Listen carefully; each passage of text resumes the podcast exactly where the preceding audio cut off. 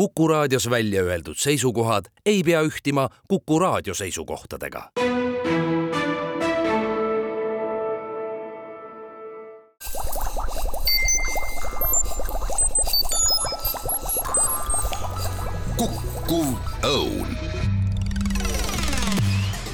Head kuulajad, Kukuv Õun eetris, Kukuv Õun uuel ajal, õhtul kell üheksa, pidades silmas seda, et kõik, kes autoga punktist A punktist C ja B ja D kuhu iganes sõidavad, saavad lasta endale teadmistel juurde tulla ja ilmselt tunnike on aega vahvalt veedetud, aga tänane Kukkuv Õun on teemal, mis tänasel päeval siis kahekümne kaheksandal novembril, kui me seda salvestame, hommikupoolikul oli Radissoni hotellis Tallinna linnas konverents, mis on pühendatud ei millelegi muule kui Covid pandeemia lõpule ja konverentsi nimi oli Viirustega tulevikku. seda korraldas Tartu Ülikool ja Tartu Ülikooli poolt korraldajana siis ka Toivo Maimets, rakubioloogia professor meil külas, nagu ka pandeemia ajal tervise asekantslerina Sotsiaalministeeriumis töötanud Heidi Alasepp, tervist! tere! tere! mina saatejuht Marek Strandberg ja kui kuulasin seda konverentsi, mis oli ütlemata sisutihe ja selles mõttes nagu päris põnev kontsentraat, mis minu mulje on see, et nii nagu paljude suurte avastuste puhul, äh, kui siis lõpuks kõik kokku võetakse, tundub olevat kõik väga lihtne. kuidas sulle, Toivo, tundus, kas see konverents võttis kokku kogu selle pandeemia, mille sees olles oli meil ju igalühel natukene erinev arusaam, tohutult vaidlusi ja mida iganes, kas see oli nüüd see kristall, mis valmis sai ja näitas, et need asjad olid nii, naa ja kolmandat moodi ja kas selle tõttu oleme me tuleviku jaoks paremini valmis saanud? See konverents oli vahekokkuvõte, aga ta oli väga hea vahekokkuvõte. pandeemia lõpust on möödas juba pool aastat, mai alguses äh, Maailma Terviseorganisatsioon kuulutas pandeemia lõppenuks, aga ma alati rõhutan, et selles samas dokumendis nad rõhutasid ka seda, et see ei tähenda, et nüüd peaksite kõik tegevused ära jätma ja ja rahulikud olema, vastupidi, nad rõhutavad seda, et tuleb jälgida, tuleb jätkata seiret, tuleb jätkata uuringuid ja mis kõige tähtsam, tuleb õppida nendest kogemustest, sest kogemused, ütleme ausalt, olid suhteliselt rängad, kogu maailmas seitse kuni kakskümmend miljonit inimelu kaotati selles pandeemias, üks majanduslik hin-, hinnang, mida ma olen lugenud, on kaksteist triljonit dollarit, läks see majandusele maksma, nii et oleks meist kõigist väga rumal mitte nendest õppetundidest äh, õppust võtta ja selle jagu tuleviku jaoks targem olla. ja nõndamoodi lõpetav teadusnõukoda just otsustaski, et me teeme sellise vahekokkuvõtte konverentsi, me esineme ise seal, me kutsume eelmisest teadusnõukojast teadusnõukoja liikmed esinema, kus tõesti erinevate aspektide alt viroloogid, immunoloogid, sotsiaalteadlased võtsid tõesti kokku nüüd juba pooleaastaseid distantsi tagant kõike seda,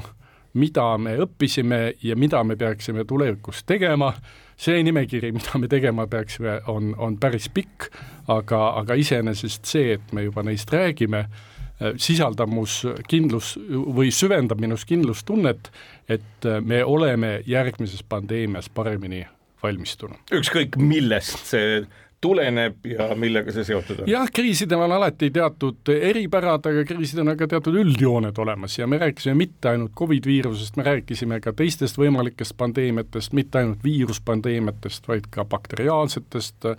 algloomadest, nii et me tegime sellise noh, tõesti laiema pildi, nii nagu üks teaduskonverents tegema peab. Heidi, sina hüppasid piltlikult öeldes äh, pandeemia üsna haripunktis juhtima Sotsiaalministeeriumis valdkonda, mis otseselt tervisega seotud. kui palju sul sellele eelnevalt oli olnud võimalik oma senisel ametikohal, mis seotud oli ju rehabilitatsiooniga, põhiliselt amputantide rehabilitatsiooniga Ida-Tallinna Keskhaiglas, kui palju seal oli üldse põhjust vaadata kogu sellele pandeemiale otsa ja milline noh, ütleme tunne oli, kui sa meenutada suudad, esimese nädala jooksul kui kogu see virvarr sinu ette lahti laotus? no tegelikult Covidi virvarr minu jaoks oli ikkagi, ma arvan, aastaid varem ja, ja just see, et äh, kui ma nägin, kuidas Itaalias Lombardia tervishoid hakkas kokku kukkuma seoses Covidi ja intensiivravi patsientide osakaalu suurenemisega ja ma olin ise haiglas tööl, ma olin kliiniku juhataja ja sa tead, kui kiirelt võib viirus liikuda, et äh, kui vähe oli materjale, me igapäevaselt otsisime artikleid, tegelikult oli see kõikidele niivõrd võõras juus, et, et ma arvan, et see Covidi suur laviin algas ikkagi päris nende Euroopasse jõudnud esimeste patsientidega ja selle hirmutava teadmisega, et maailma üks rikkaim ja võimsam tervishoiusüsteem Itaalias tegelikult on täielikult patsiente täis ja, ja et see on väga dramaatiline. et see hirm oli ikka tegelikult mulle teada, et, et ma olin osalenud ka Terviseameti meditsiini ja hädaolukorra juhi tiimis, et, et Covid ei olnud mulle võõras, kui ma ministeeriumisse kahe tuhande kahekümne esimese aasta septembris liikusin. kummalegi küsimus sellega seonduvalt, sellepärast et see leigus, mis Eestis oli, mäletamist mööda, kus ühel ja teisel moel püüti seletada, et ei, et noh, see ei ole midagi väga hullu, et asjaolu, et Hiinas käivad inimesed äh, tänavatel kaitseülikondades ja kõike desinfitseeritakse, et see on tühi-tähi, et see, mis tuli ka Eesti ametkondade poolt, niisugune leigus, kas see kohutas, Toivo? no tõepoolest, äh, siis äh, kui see pandeemia hakkas peale, siis ma muidugi ei olnud teadusnõukojaga kuidagimoodi äh, seotud ja küll aga rakubioloogiaga. küll ma olin rakubioloogia professor täpselt ja millega ma tõesti, ma mäletan, ma mõtlesin seda, et nüüd mida ma oskan, mida ma tean, mul on kogemused Euroopa Ravimiametist, mul on bioloogia teadmised, kuidas äh, viirus nakatab rakku, mul on arusaamine, kuidas vaktsiine põhimõtteliselt tehakse ja tõepoolest ma mõtlesin kohe algusest, et ma panen kõik oma teadmised selleks, et seda olukorda vähegi leevendada, ma hakkasin tegelikult käima töökollektiivides ja koolides rääkimas lihtsalt sellest, millega, millega on tegemist, nii et see oli nagu mingi, mingisugune minu väljund.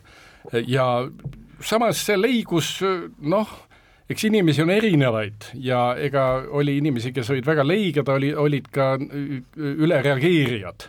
nii et sellise ühis, ühist üldistust ma tegelikult äh, nagu ei teekski. päris selge on see, et alguses loodeti, et ju ta meist mööda läheb, see on selline kuidagi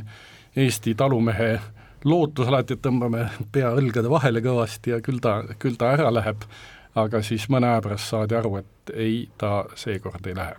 Heidi, kui pikalt läks aega, enne kui siis ka ametkonnad toona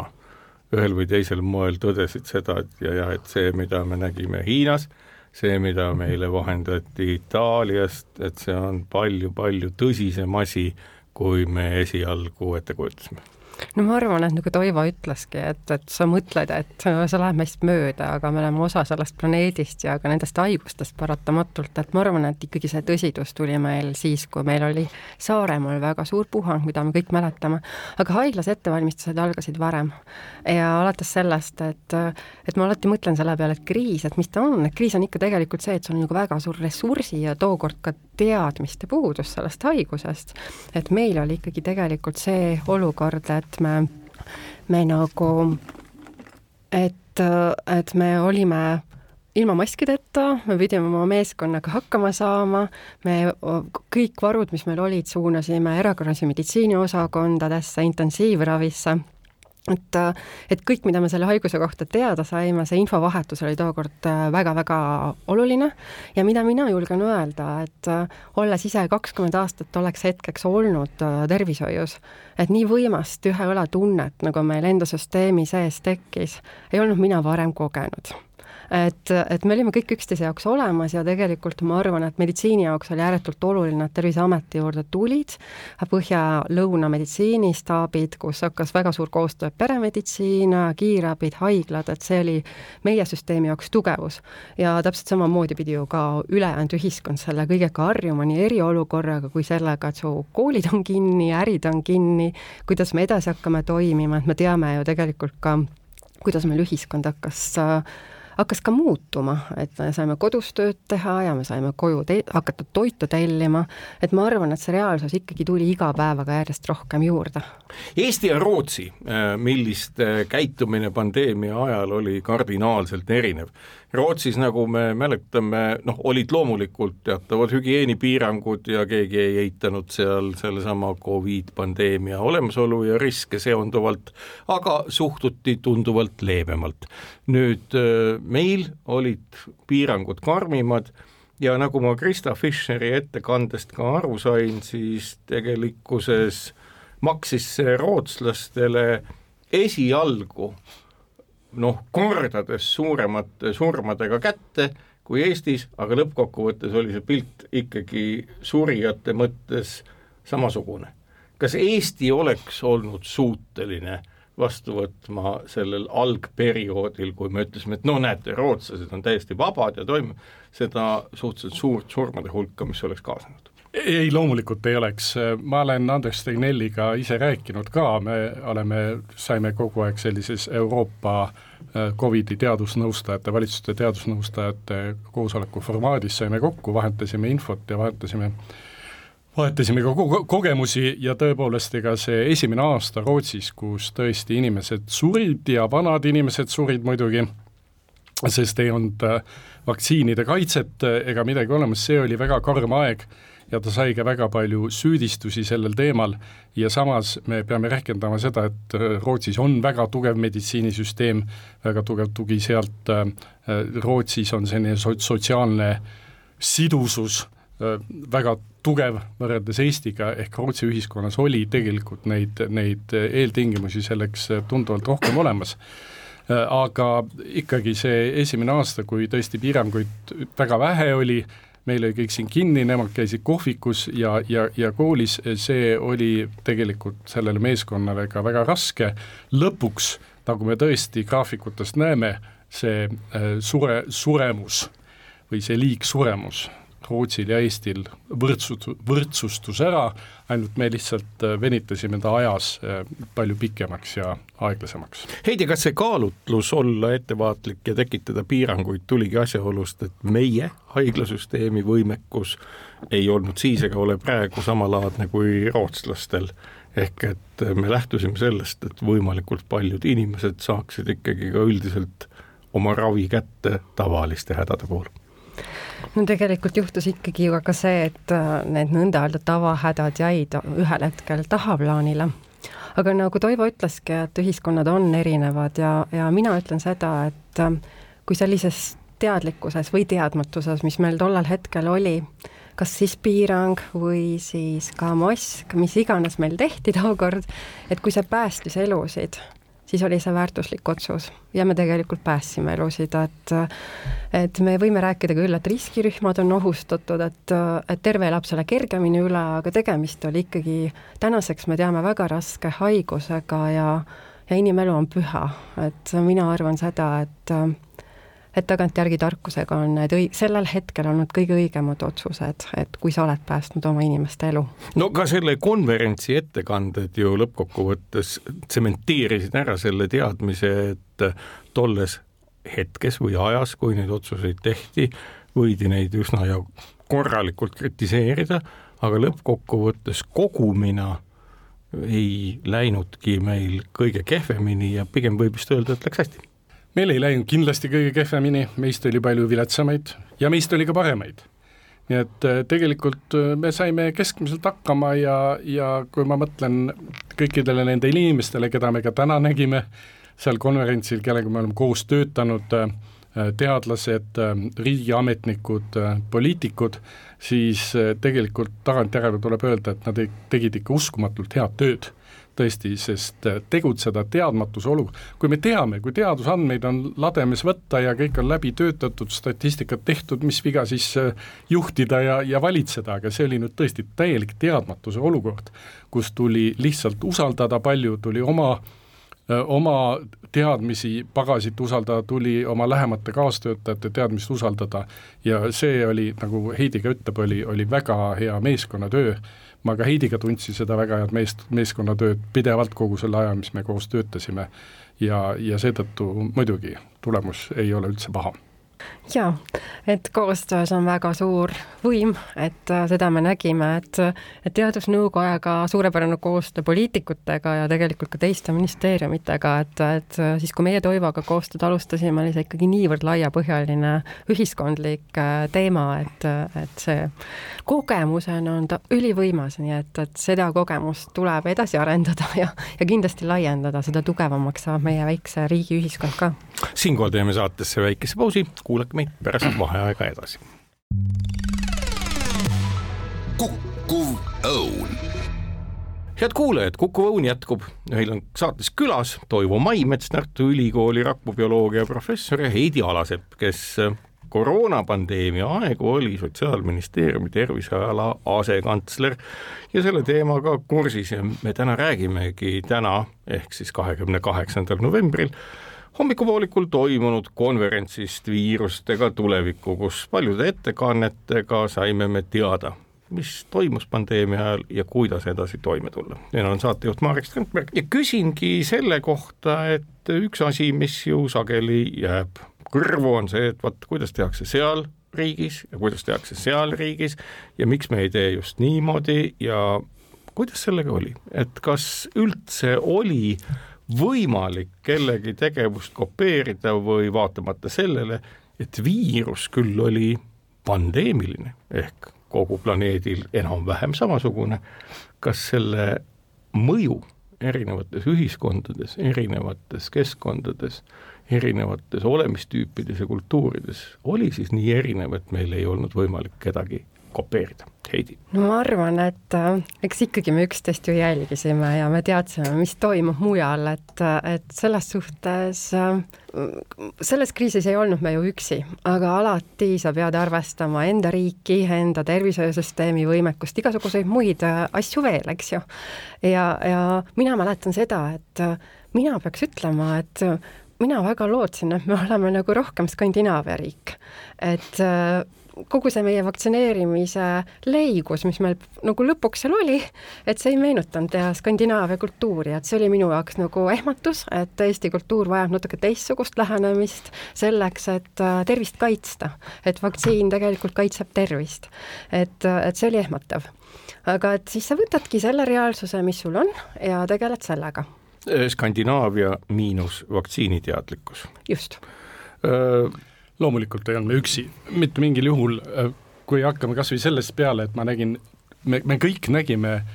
seda kasu, mis on meil olemas Euroopa Liidu liikmesriigiks olemisest. nimelt me saime vaktsiinid, värsked vaktsiinid kätte sama kiiresti, kui kõik teised Euroopa riigid, sama kättesaadavaks muutus see meile, selle asemel, et oodata veel oma järjekorras üksiku riigina, nagu väga, väga paljud riigid pidid, pidid tegema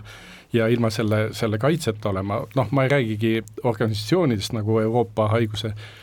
ennetamise ja tõrjekeskus, ECDC ja, ja ka maailma, maailma organisatsioonid, nii et me olime selles seltskonnas ikkagi väga tihedalt seotud.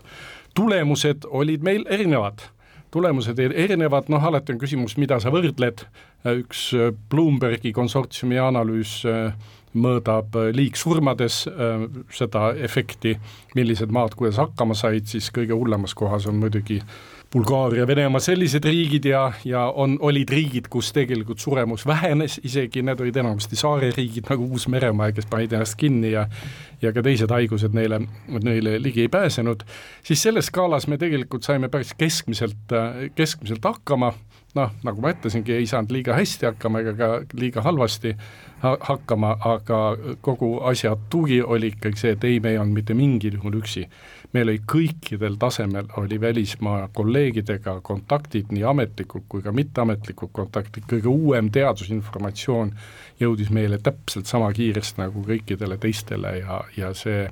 rahvusvaheline koostöö efektiivsus oli, oli muljetavaldav. nüüd üks asi, mida sa ka oma sissejuhatavas ettekandes selles konverentsis mainisid, oli üks rööppandeemia, mis koos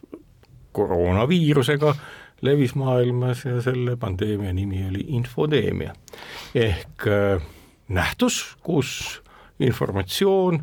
ka valeinformatsioon sai endale meeletu kandepinna. Ja põhimõtteliselt oli see justkui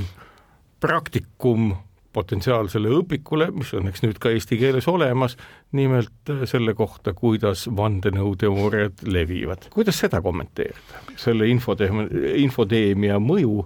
ja, ja tagajärgi? ja tõepoolest, minu ettekande eesmärk oli tuua välja mõned äh, kohad ja teemad, mis on ilmselgelt tähtsad, mis on ilmselgelt olulised, aga kus meil täna korralikke lahendusi olemas ei ole. ehk vaadates uute pandeemiate peale, me peame täna juba mõtlema nende, nende teemade peale ja seesama infoteemia äh, teema, mis tegelikult tähendab seda, et meil oli korraga nii epideemia kui ka libainformatsiooni ääretult suur teke ja edasikandumine, see teema on väga oluline, äh, paljud autorid juhivad tähelepanu, et see ei erine mitte millegi poolest. kakskümmend aastat tagasi olnud AIDSi äh, AIDSi leviku ajal olnud selliste libainformatsiooni äh, võtetest ja, ja asjadest äh, oli valeinformatsiooni, oli väärinformatsiooni, teadlikku valeinformatsiooni, oli lihtsalt poolikud tõe rääkimise, kõiki need, mis on libainformatsiooni komponendid, tihti on see tahtmatu, tihti on see selline äh, teadmatuse asendamine kas või millegagi, aga tihti on see ka suunatud ja kinni makstud valeinformatsiooni tekitamine ja levik. Need on kõik väga olulised teemad, nendega tuleb äh, väga süstemaatiliselt äh, ja, ja professionaalselt tegeleda. Heidi, mis jäi tegemata või millega jäädi hiljaks, et Eesti puhul ka see infoteemia ühtekokku siis mõjutas meie vaktsineerimise taset sellisel moel, et äh, see jäi kuhugi kuuekümne protsendi piiresse, võrreldes näiteks Taaniga, kus vist sada protsenti kõik riskirühmad olid vaktsineeritud, rääkimata siis keskmisest vaktsineeritusest pandeemia, siis Covidi pandeemia ajal kaheksakümne protsendi tasemel. tead, ma arvan, et selles kriisis need äh, osad infolevikud tõepoolest tekkisid kriisiga kaasas, aga see, et me vaktsineerimises lõiged olime, et need märgid olid aastaid juba enne, et meie ka muude nakkushaiguste vaktsineerimise tase hakkas kahjuks kukkuma ja, ja see on hästi kahetsusväärne, et et, et see oli, see oli nagu järgmine tulem, et siis hakatigi tekitama vaktsiini vastu hirme, et loomulikult oli ka ju kõrvalmõjusid ja see tekitab veel suuremat hirmu. et noh, üldiselt kuna ma olen meditsiinist inimene, siis ma suhtun sellesse võib-olla tervise tasandil just sellepärast kurvalt, et, et sa kahjustad iseennast. aga teistpidi ma ka mõistan, et osad on jah, pahatahtlikud, kes infot levitavad ja teised on need, kes tegelikult kardavad. ja see, ma arvan, et on kindlasti järgmisteks äh, tervisekriisideks selleks valmisoleku üks põhiline eesmärk, et äh, rahvast tuleb headel aegadel kasvatada, rääkida ausalt asjadest, äh, tuua sisse väga suurt teadmispõhist informatsiooni, et et ka meie peame oma kommunikatsioonioskusi kindlasti parandama, et äh, me ei saa kriisis hakata rääkima, mis on õige, mis vale, et inimesed seda tuleb teha ennem? jaa Toivo, sedapuhku nii-öelda, kuigi nii-öelda needsamad mRNA vaktsiinid oma tehnoloogilises mõttes olid juba ju aastaid olemas olnud. see põhimõte oli kindlaks tehtud ja selle kindlaks teinud inimestele ka sel aastal Nobeli meditsiinipreemia ju anti. nüüd küsimus ongi selles, et kas asjaolu, et aru saada tõepoolest selle vaktsiini valmistamise ja selle vaktsineerimispõhimõtte unikaalsusest, kas asjaolu jäigi sinnapaika, et kõigile tundus, et ah, üks vaktsiin puha, on milline ta on? Ja iseenesest ju sellise tavapärase tootmismeetodiga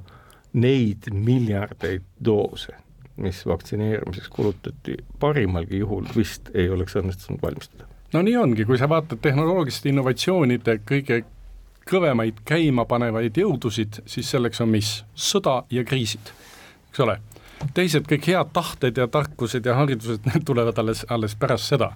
ja tõepoolest, neid vaktsiine arendati kõigepealt välja kasvajate vastu ja praeguseni arendatakse neid kasvajate vastu,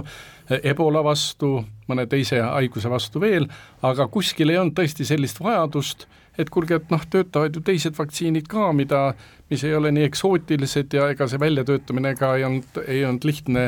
ja odav ja järsku tuli hetk, kus oli tohutu palju vaktsiine vaja. Ja kõigile oli selge, et nii nagu klassikaliselt kuskil kana embrüote peal või rakukultuuride peal kasvatatakse vaktsiine nii massiliselt, ei ole võimalik neid, täna on üle kolmeteist miljardi vaktsiinidoosi süstitud inimestesse. ja nüüd tuli tehnoloogia, mis tõepoolest punkt üks võimaldas kiiresti, massiivselt Eh, tekitada uusi vaktsiinidoose ja kaks, eh, kohe nähti, et see viirus on väga muutlik ja mRNA võimaldab kiiresti seda koodi vahetada. et ahah, nüüd tuli uus tüvi, nüüd teeme teistsuguse mRNA, paneme sisse ja paneme selle, selle kuigi, kui meenutada nüüd ajalooliselt, siis ju väike tõrge seal oli, ehk et esialgse tüve kõrvale uue tüve tekitamine põrkus natukene nii-öelda regulaatorite taha vist no ikka, ega regulaatorita ma olen, nagu ma ütlesin, Euroopa Ravimiametis ise aastaid olnud ja, ja ma küll ei tegele vaktsiinidega, ma tegelen geeni- ja rakuteraapia ravimitega, aga eks see tasakaalu otsimine kogu aeg, kõige lihtsam oleks alati Ravimiametitele ei öelda, ei, seal on mingi risk ja me lihtsalt ei anna luba, aga teiselt poolt meil on vaja ju tegelikult innovatsiooni edendada, meil on uusi efektiivseid ravi, ravimeid vaja. nii et tegelikult see tasakaalu otsimine ongi täpselt niimoodi, et natuke kõhkled ja siis kontrollid ja vaatad, palud veel seda kontrollida, siis annad, lähed, lähed sammu edasi. nii et äh, kui me ikkagi mõtleme, et aastaga tuldi töötavate korraliku efektiivsusega vaktsiiniga turule, seda pole kunagi nii kiiresti. ma arvan, et eelmine rekord oli vist kuue aastaga oli vaktsiin ja tavaline vaktsiin on kakskümmend aastat, kolmkümmend aastat nii-öelda äh, turule toomisest, siis äh, see, siin ma olen kõikide nendega nõus, kes ütlevad, et äh, vaktsiinid selles pandeemias oli tõeline edulugu. Heidi, see eelmine maailma tabanud õnnetus, milleks pandeemiana oli gripipandeemia tuhat üheksasada kaheksateist. toona elas maailmas vist umbes kaks miljardit inimest ja hukka sai erinevatel hinnangutel viiskümmend kuni kakssada miljonit. noh, tänane koroona surmade arv kakskümmend miljonit, aga samas maailmas elab kaheksa miljardit inimest. see on vist asi, mille me saame nii väikese suhtarvu tõttu kirjutada vaktsiinide arvele? jaa, kindlasti ja ma ikkagi arvan, et kogu tervishoiu tase maailmas on hoopis teine kui sada aastat tagasi. et vaktsiin oli meie päästekoolikel, nagu Toivogi ütles, et, et ma mäletan seda väga hästi, kui aasta hiljem oligi Eestis ka vaktsiin, et me tervishoius kõik rõõmustasime, et me oleme nüüd teel tegelikult selle pandeemia, pandeemia pidurdamisele. et see oli nagu ääretult, ääretult võimas äh, toetus meile. kui suur šokk oli asjaolu, et siis seesama infodeemiline mõju või valeinformatsiooni lauslevik siis ühtäkki tekitas tohutu pidurduse ja vaktsineerituse languse või selle kiiruse kahanemise? no ikkagi oli ja mitte ainult võib-olla see vaktsiini mittekasutamine, aga oli ka see, et kui inimesed keeldusid maskide kandmisest, eks ju, ja järgmises etapis on ta sinu patsient, et see on selline konflikt, kui sa juba ise hakkad ka tervishoiutöötajana väsima, et, et tegelikult meil oli nii vaimne pinge kui ka see, et tegelikult meie töö oli väga intensiivne tollel perioodil. et, et loomulikult sa ikkagi ju tahad, et sinu enda inimesed, kes on meie ümber, et nad oleksid võimalikult terved ja võimalikult kaitstud, et siis sa tahad ka kõik, et nad targalt kasutaksid neid võimalusi, mis riik lõi, et ja mulle väga meeldis, kuidas Toivo enne kirjeldas, et Eesti oli väga kiiresti maailma parimate vaktsiinide saaja. et see on, see on väga võimas tulemus. aga ma lisaks sinna juurde, et loomulikult need märgid olid õhus et me jääme just selle vaktsiinid, teadlane võib välja mõelda ükskõik kui toreda vaktsiini, küsimus on selles, kuidas inimene neid ikkagi vastu võtab ja märgid sellest, et see ei lähe nii lihtsalt, olid juba õhus enne.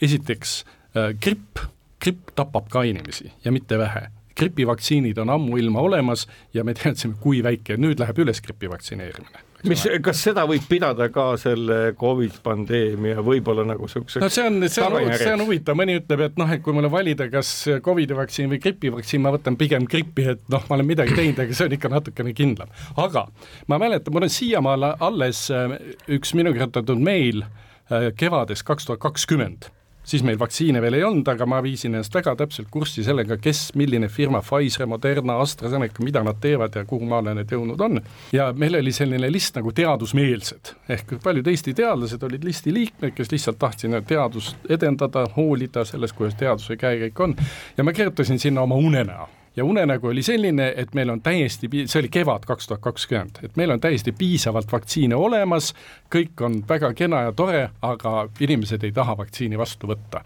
ja mu mõte oli see, et nüüd meie teadlased kõik üheskoos peaksime juba täna sellega tegelema, harima inimesi, rääkima, maksimaalse tegema selleks, et kui need vaktsiinid üks päev tulevad ja nad tulid ju, eks ole, pool aastat hiljem olid nad nagu kohal, kui nad tulevad, siis inimestel on, on tarkust ja tahtmist neid ka äh, vastu võtta, aga, aga tundub, et ma oleks pidanud oma unenägu veel kuidagi võimendama. siinkohal teeme saatesse väikese pausi ja kuulake meid pärast vaheaega edasi.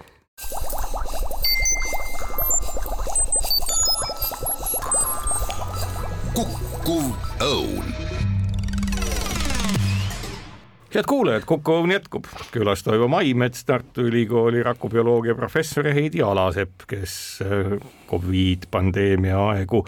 oli Sotsiaalministeeriumi terviseala asekantsler, mina saatejuht Marek Strandberg ja kõneleme täna toimunud, täna tähendab siis kahekümne kaheksandal novembril kahe tuhande kahekümne kolmandal aastal toimunud konverentsist, teaduskonverentsist Viirustega tulevikku, kus Covid pandeemia asjad kokku võeti, nii palju kui neid on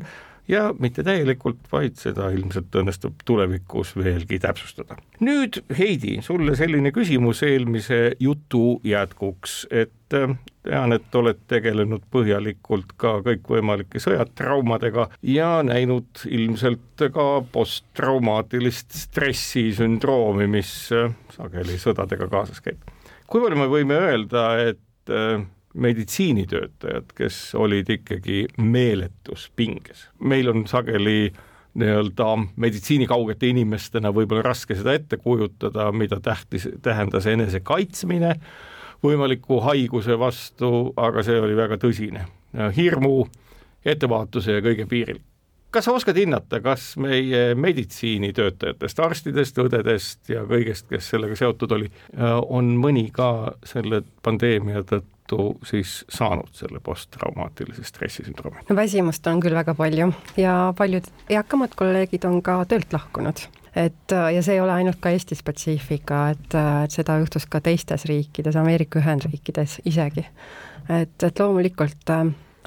ma arvan seda, et meil oli alguses tohutult raske see, et äh, meditsiin on väga tõenduspõhisele teadusele põhinev äh, haru ja, ja me ei tundnud seda haigust, me ei teadnud, kuidas selles käituda ja täpselt see, et äh, ei olnud enesekaitsevahendeid, et äh, inimesed olid ju ilma maskideta, et need olid intensiivravis ja erakorralises meditsiinis, et see oli tegelikult keeruline ja pean tunnistama, et äh, ka enda meeskonnas oli mul läbi põlenud inimesi, et keda oli vaja toetada, et ma sain ka meeskonna juhina täiesti uue kogemuse. aga jälle teiselt poolt, et see liitis, see tegi tugevamaks, aga, aga see on raske. ja mille pärast ma ütlengi, et mis oli jälle teistpidi minu arvates ülivõimes ühiskonnas, et et meditsiini hakati ikka palju toetama. et me ei saanud ju oma tööjõu ressurssidega enam hakkamagi, meil oli kaitseväest abilisi, meil olid tudengid pidevalt meil abis, ma arvan, et ühiskondlik toetus meditsiini suhtes oluliselt kasvas ja teate, see annab meile ka rammu juurde.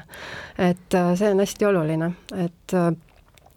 et eks seal oli niisugust kahepoolset tasakaalu, aga, aga tõepoolest tean ka inimesi, kes ähm, Covidi ajal ja Covidi järgselt meditsiinist otsustasid lahkuda, et äh, et olla, olla kuskil mujal. Toivo, äh, kõik need sündmused, mis aset leidsid mäletamist mööda, see oli ikka tõsine võitlus, kas äh, sa julged öelda, et see oligi sõda viirusega? no sõda viirusega oli ta osaliselt, eks ole, tegelikult ähm, selline kriis näitab meile peeglist meie enda ühiskonda, millised me oleme ja, ja ma olen ikka ütelnud, et mitte alati me ei taha seda, seda peeglipilti näha,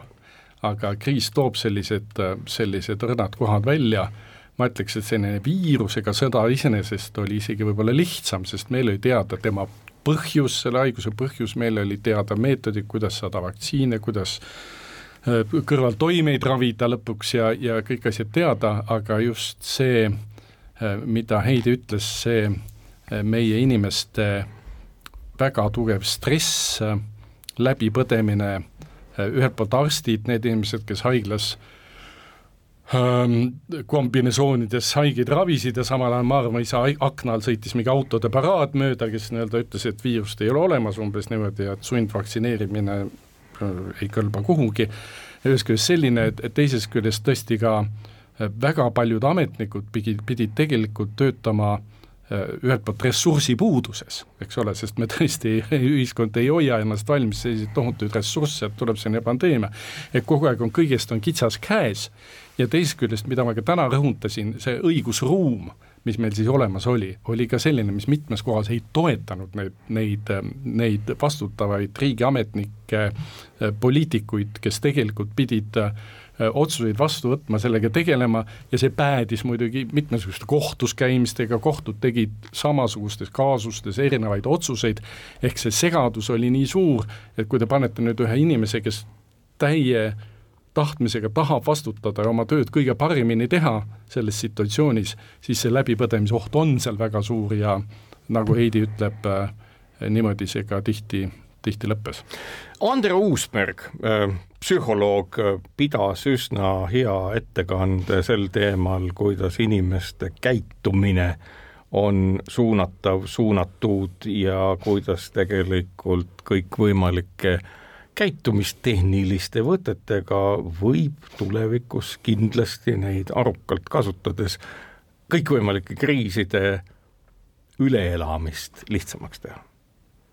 kui suur teie kummangi hinnangul just nimelt selline käitumise muutumine ja muutmine ja suunamine on selliste pandeemiliste haiguslike kriiside ja muu puhul? mina arvan, et see on ikkagi suur et, äh, et täna ka selline tore näide, mis oli toodud, et kuidas äh, erinevas sõnastuses kas või inimene on motiveeritud minema uuringule, oli minu arust niivõrd ilmekas, et kui öeldakse, et mine, sind ootab sinu ravimite pakett või, või tervisepakett arsti juures, või siis see, et ole hea, et kontrolli enda tervist, et need on kaks erinevat sõnumit, mis pani tegelikult inimesi erinevalt käituma ja ma arvan, et see on, see on kindlasti koht, kus tuleb targalt äh, võtta Eesti jaoks jälle parimad lahendused ja proovida ja katsetada, et nagu ma ütlesin, et terviseteadlikkust on vaja kasvatada, et see ei ole ainult selleks, et kriisideks valmistada, vaid lihtsalt sellepärast, et elu on elamist väärt ja igat päeva peab maksimaalselt nautima, nii et tervist tuleb ka ilma kriisideta hinnata ja, ja sellesse panustada Toivo. mina olen muidugi teaduse usku inimene ja ma usun, et ka käitumisteaduses on olemas omad, omad meetodid ja omad viisid ja Andero ettekanne oli tõesti väga hea ja Andero selles vallas, vallas teab asju väga hästi ja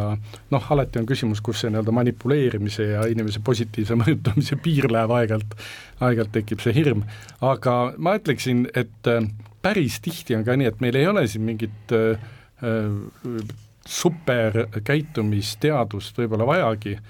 piisaks võib-olla sellest, kui küsida oma vanaema käest, kuule, kuidas sina neid suhteid lahendaksid ja, ja võib-olla natukene ka tavalist lastetuba.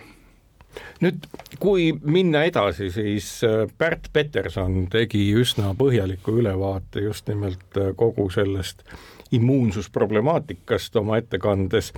ja seal nagu joonistus üsna selgelt välja küsimus selles, et äh, ka vaktsineerimise puhul ja üldse inimese tervise puhul, kui me sellesse ka vaktsiinidega sekkume või sekkub sinna mingisugune üldleviv viirus, me peaksime nagu rohkem omama ettekujutust sellest noh, nii-öelda oma immuunsüsteemi enda seisundist,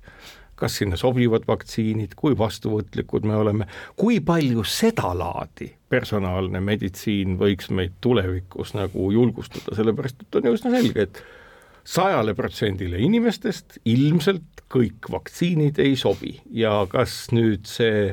pandeemia, kas kõik need teadusuuringud, mis täna käimas, kas võiks anda vastuse, noh, ma ei tea, kui täpselt, aga siiski, et jah, et meil on klass inimesi, kelle elulemus ilma vaktsiinita tõenäoliselt on suurem või samasugune kui vaktsiiniga no muidugi, see on selline igavene küsimus äh, pere, personaalse meditsiini ja tervishoiu üldvajaduste vahel. selge on see, et iga inimene on täiesti unikaalne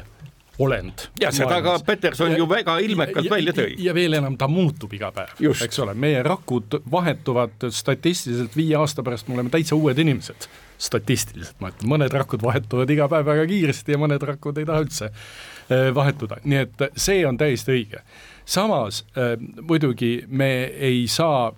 ikka päris detailidena minna, et, et vaatame, sinu nüüd pealaest jalatallani läbi ja nüüd sulle nii mitu milligrammi doos, doos vaktsiini, sest selleks on ikkagi sellised suured kohordi uuringud, eks ole, kliiniliste, kliiniliste uuringute ra-, faasid,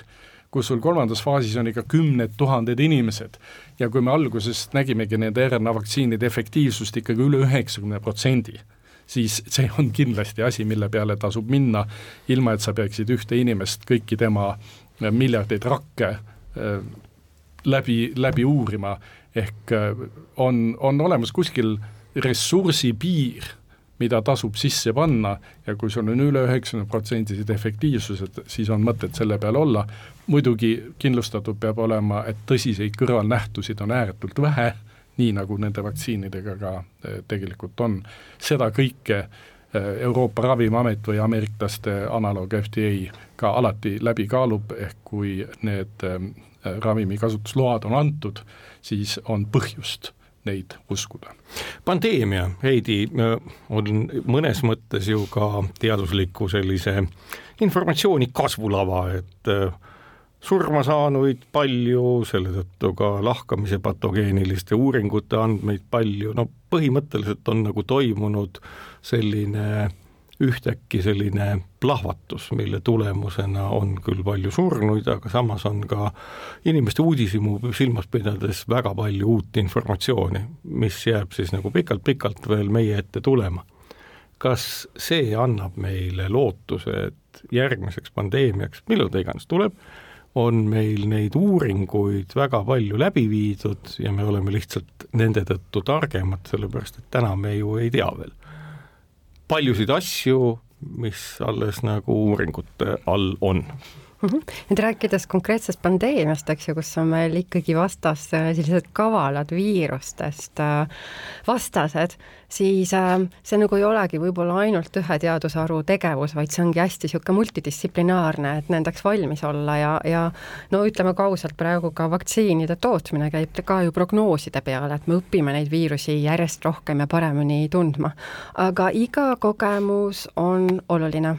ja ma usun küll, et sellest pandeemiast praegu kogu, kogu elanikkond õppis, mitte ainult Eestis, vaid kogu maailmas ja Maailma Terviseorganisatsioon on teinud ka neid valmisolekukavasid, et kuidas me peame seirama, kuidas me peame preventsiooniga tegelema, ennetusega, vaktsineerimisega, et kindlasti ma arvan, et ka iga inimese, kes ikkagi kuulas, vaatas, osales selles protsessis, ka tema enda viiruse teadlikkus ja hügieen ju muutus ja paranes, et see kõik annab tegelikult jälle meile kõigile nagu parema turvalisuse tulevikuks. et, et kindlasti, et võib-olla nagu selliste pandeemiate puhul nagu lahangu tulemus ei ole see, mille järgi sa väga palju uut teadmist saada, aga küll kliiniline pilt, küll see, kuidas ta levib, miks ta levib, kuidas ta levib, kuidas me saame seda viirust peatama hakata, et selline koostöö, selline seire on üliülioluline ja ma arvan, et need süsteemid äh, selle pandeemia foonil ikkagi maailmas tunduvalt paranesid. Toivo, see konverents oli põhjalik loomulikult äh, õnnestub veelgi põhjalikumaid ettekandeid, ülevaateid ja mida iganes teha. kas võiks ette kujutada, et teil on plaanis ka mingisugune asjakohane koguteos, kus nii-öelda see Eesti kogemus üldiselt arusaadavalt kõikvõimalike näidete, arvutustega noh, mitte niivõrd võib-olla süvateaduslikult, aga miks ka mitte süvateaduslikult, aga enamjaolt just populaarteaduslikult selgelt on lahti räägitud, et oleks olemas piltlikult öeldes käsiraamat, sellepärast et kui häda tuleb, siis kusagilt veebist otsida seda ülekannete kogu, mis olemas on ja mis saab ka sellele samale saatele tutvustusse lisaks pandud, et inimesed saavad ka seda konverentsi järel vaadata aga ikkagi teos, nagu meil on kombeks asju teostena no, kokku võtta. meil on tõesti mõte olnud, et need tänased ettekanded kuidagi, kuidagi nagu kirjalikuks vormistada ja, ja nad, nad fikseerida mingis kogumikus, meie ressurss hakkab otsa saama ajaressurss ja, ja ka muu ressurss, nii et vaatame, vaatame, kuidas me jõuame, aga laiemas plaanis ma leian, et selline igasuguste mälestuste tähelepanelik, tähelepanekute ja kogemuste fikseerimine kuidagi kirjalikult on ääretult vajalik. meil mõned asjad juba on, meil on Terviseamet andis professor Lutsari välja antud sellise õppetundide, õppetundide raporti, mida professor Lutsar ise ütleb, on ikkagi ainult selline meditsiiniline vaade, eks ole, meil on, meil on puudu tegelikult kõik need muud vaated, mis juhtus meie majandus, mis tegelikult juhtus mõned läksid rikkamaks, mõned läksid vaesemaks. ja sellepärast, et ega see mainitud kaksteist triljonit, mis iganes ühikut, dollarit või eurot, selle summa puhul pole vahet, et keegi ju kaotas ega ja keegi ju võitus, ega siis see ja, õhku ei läinud. ja, ja samuti, mis juhtus meie haridussüsteemiga, mis juhtus meie hariduskvaliteediga, eks ole, meil on selliseid teemasid tegelikult, mis on katmata noh, meil lisaks on, eks ole, Kantar Emori aruanne, mis koos Terviseameti ühine tuli, selline kvalitatiivaruanne, mis on ka väga huvitav lugeda, aga ka väga kitsa aspekti pealt. no meil on veel riigikontrolöri selline poole perioodi äh, analüüs, mis on, mis on päris oluline ja üks akadeemiline analüüs ka veel, aga kindlasti on rohkem vaja. Kindlasti on rohkem vaja, me kõik saame aru, et need kõik on teatud määral subjektiivsed, sest see, kes kirjutab, on ju isik. isik. Ja, ja me paneme selle koefitsiendi juurde, aga ainult, ainult sellest tekib selline terviklikum pilt, kui me asja vaatame mitmest küljest, siis me saame sellest parema pildi. Ja tõepoolest tagasi tulles nende, nende kadude juurde, Eestis kolm tuhat üks inimest surnud, Eesti maksumaksjale summasid ei ole keegi tänaseks suutnud päris täpselt kokku rehkendada, aga valus on vist ka. ja need ei ole väikesed kindlasti, kui me mõtleme ikkagi see, see selline, selline hind, mis me oleme maksnud, see väärib seda, et me võtame sealt kõik õppetunnid välja ja ei unusta seda lihtsalt ära, et ah, pühime püksipõlved puhtaks, lähme homme edasi. ei ja ma nõustun sellega ja, ja et õppetunnid ongi selleks, et neist õppida ja, ja minu arvates on hästi oluline, et, et sa oled valmis et sa tead, ükskõik milline sektor sa oled siin ühiskonnas, et mis on sinu rollid sellistes kriisides, mida mina teen, kuidas mina nagu selles ellu jään, kuidas ma teen koostööd, et, et ma ütlen, et meie saime nagu tohutu kogemuse nagu kogu ühiskonnaga koos toimimisel, koos koordineerides ja nagu Toivo enne ka ütles, et tõepoolest see rahvusvahelise koostöö suurenemine just näiteks tervishoiu sektoris on olnud äh, väga märkimisväärne aga see on kogu infovahetuse, ressursivahetuse osas nagu ääretult oluline, nii et et ma arvan, et seda selliste õppetundide edasist kirjapanekut ja sellist ühiste plaanide loomist, et, et seda on kindlasti vaja. šokina tuli ta selle tõttu, et kahe, tuhande üheksasaja kaheksateistkümnenda aasta pandeemiast meil ei olnud ühtegi üleskirjutust meil kindlasti on sealt ka üleskirjutusi, aga, aga me olime tõesti hoopis teistsugusel meditsiinilisel tasemel äh,, inimeste eluviisid olid teistsugused ja ja saja aasta tagant võib-olla nii palju meil õppida ei ole, ma küll kardan, et järgmise pandeemiani meil sadat aastat ei ole Heidi. ja ma saan lisada seda tegelikult, et riigis oli olemas gripipandeemiateks valmisoleku kava ja seda on ka harjutatud aastaid tagasi, kui ma õigesti mäletan, oli see aasta kaks tuhat kuus, kus oli rahvusvaheline Pandora õppus. aga nagu ikkagi on, et see viirus, bakter, mis iganes, on niivõrd pisike ja, ja ootamatu vaenlane, et, et sa võib-olla ei suhtugi sellesse alati nii tõsiselt, et et täna ka meil konverentsil toodi nii ilusti välja, et kuidas meil tegelikult on keskkond muutunud, kuidas me reisime väga palju, et, et see on väga illustratiivne, et me oleme uues reaalsuses,